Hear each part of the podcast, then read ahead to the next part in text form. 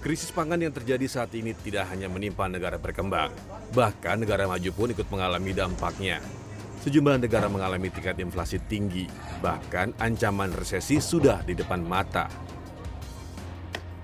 Pemerintah Indonesia hingga saat ini masih bisa menekan dampak kelangkaan pangan global dengan memperkuat sejumlah instrumen keuangan.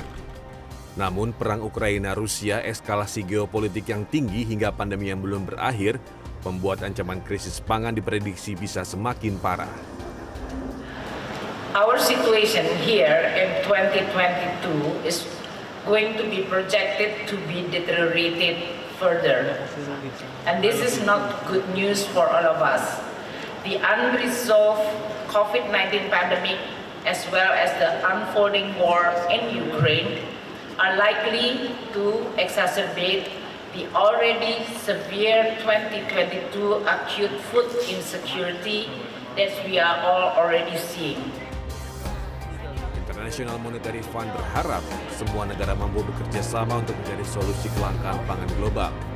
IMF pun membuat sejumlah kebijakan yang akan mendorong perbaikan ekonomi. And I want to say from the side of the IMF, we would play our role providing balance of payment support addressing the issue of debt, and also providing financing through augmentation of our programs, new programs, emergency financing, whatever makes sense. So we live in a world free of hunger. Pada acara High Level Seminar G20 Indonesia, 15 Juli di Nusa Dua, Bali, sejumlah Menteri Keuangan negara G20 dan Kepala Lembaga Keuangan Negara sepakat untuk membentuk dana patungan dan mengadakan pertemuan dengan Menteri Pertanian guna mengatasi kelangkaan pangan dunia. Ruli Kurniawan, Dwi Ari, Bali.